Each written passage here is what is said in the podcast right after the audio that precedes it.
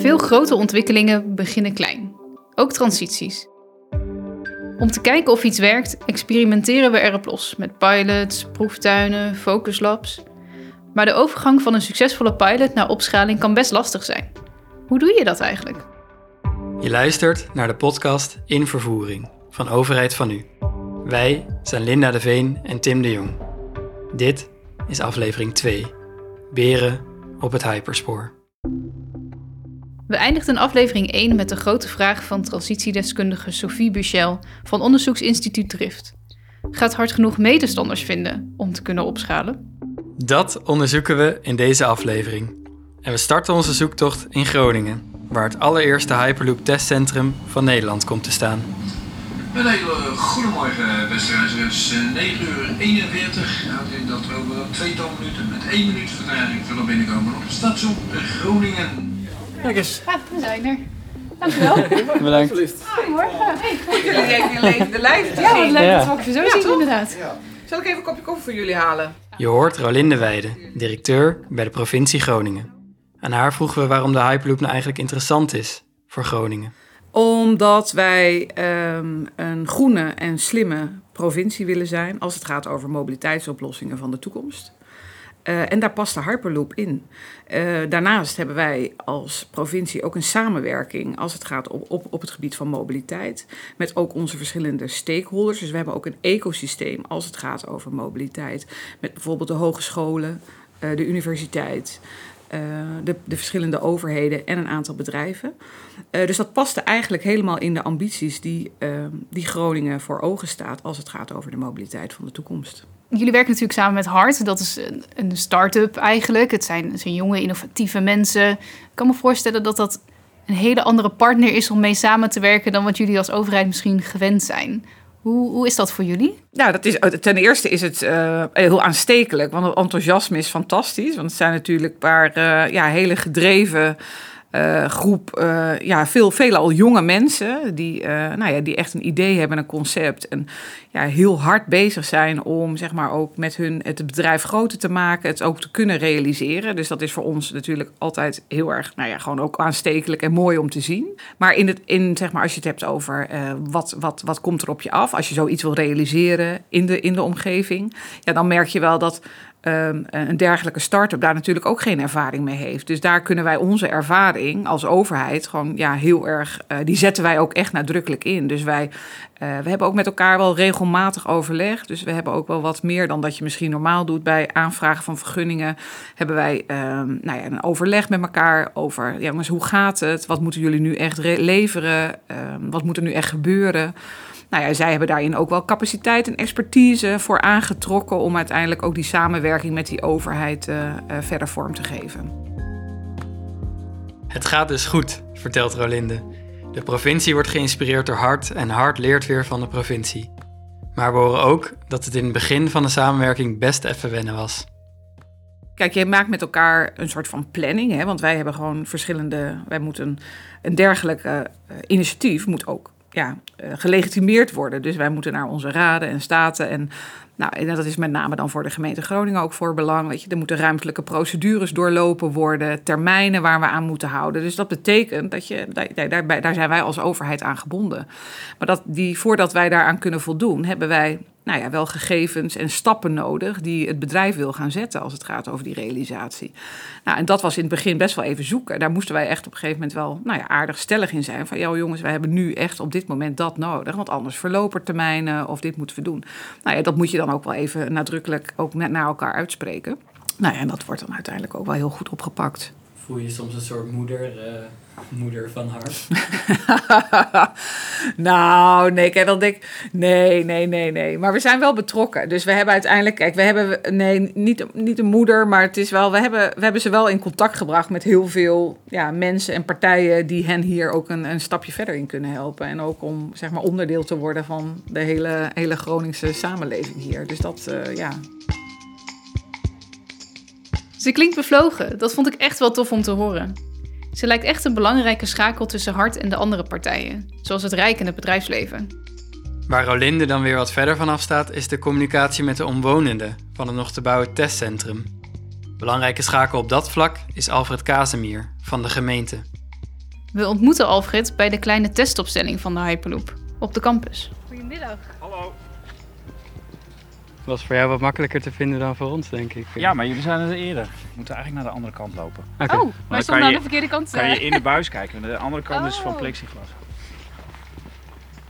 Ja, we kijken hier in de pijp. Die eh, heeft een eh, diameter van, laten we zeggen, eh, anderhalve meter. En wat je ziet is eh, het binnenwerk, omdat er een plexiglazen plaat voor zit.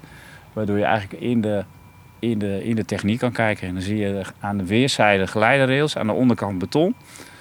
Eh, en aan de bovenkant eh, hangen allemaal magneten. En die creëren het magnetisch veld waar, de, waar je zeg maar, eh, de goederen of de personen in capsules door, de, door de buis kunnen. Op de campus staat dus een proefmodel. Straks komt, aan de rand van Groningen, een traject met een buis die nog veel groter is. Een traject van drie kilometer lang. Een testcentrum, bedoeld als proof of technology. Het moet bewijzen dat de techniek werkt. Maar het nieuws over de komst van het testcentrum leverde behoorlijk wat onrust op onder omwonenden. Wat gaat het betekenen? Daarom organiseerde gemeente en Hart een bewonersavond. Kun je ons meenemen naar die, die bewonersbijeenkomst? Wat, wat gebeurde daar? Wat voor sfeer was daar? Nou, de sfeer was wel, eh, laten we zeggen, eh, op het kritische tot het, tot het grimmige af. Hè. De, eh, er zat daar een boerderij. eh, we hadden een eh, bewonersavond georganiseerd in het gebied. Nou, dat was in een soort eh, feestcentrum. Nou, er zaten meer dan 200 mensen. Ze konden echt eh, niet meer in. En eh, wij wilden natuurlijk ook een beetje uitleggen wat er allemaal eh, de afgelopen maand gebeurd was. Maar goed, het, was bijna een soort eh, demonstratie. eh. En wat was het voornaamste bezwaar van deze bewoners? ja, mensen voelden zich overvallen. En die zeggen goh, wat, eh, waarom moet dat hier? En kan het niet ergens anders? En eh, mijn uitzicht is, eh, is hier zo goed. En is het niet gevaarlijk? Hè? Kan kan zo'n capsule niet uit een buis schieten? Dus er is ook heel veel... Ja, er zijn wel terechte zorgen en vragen van...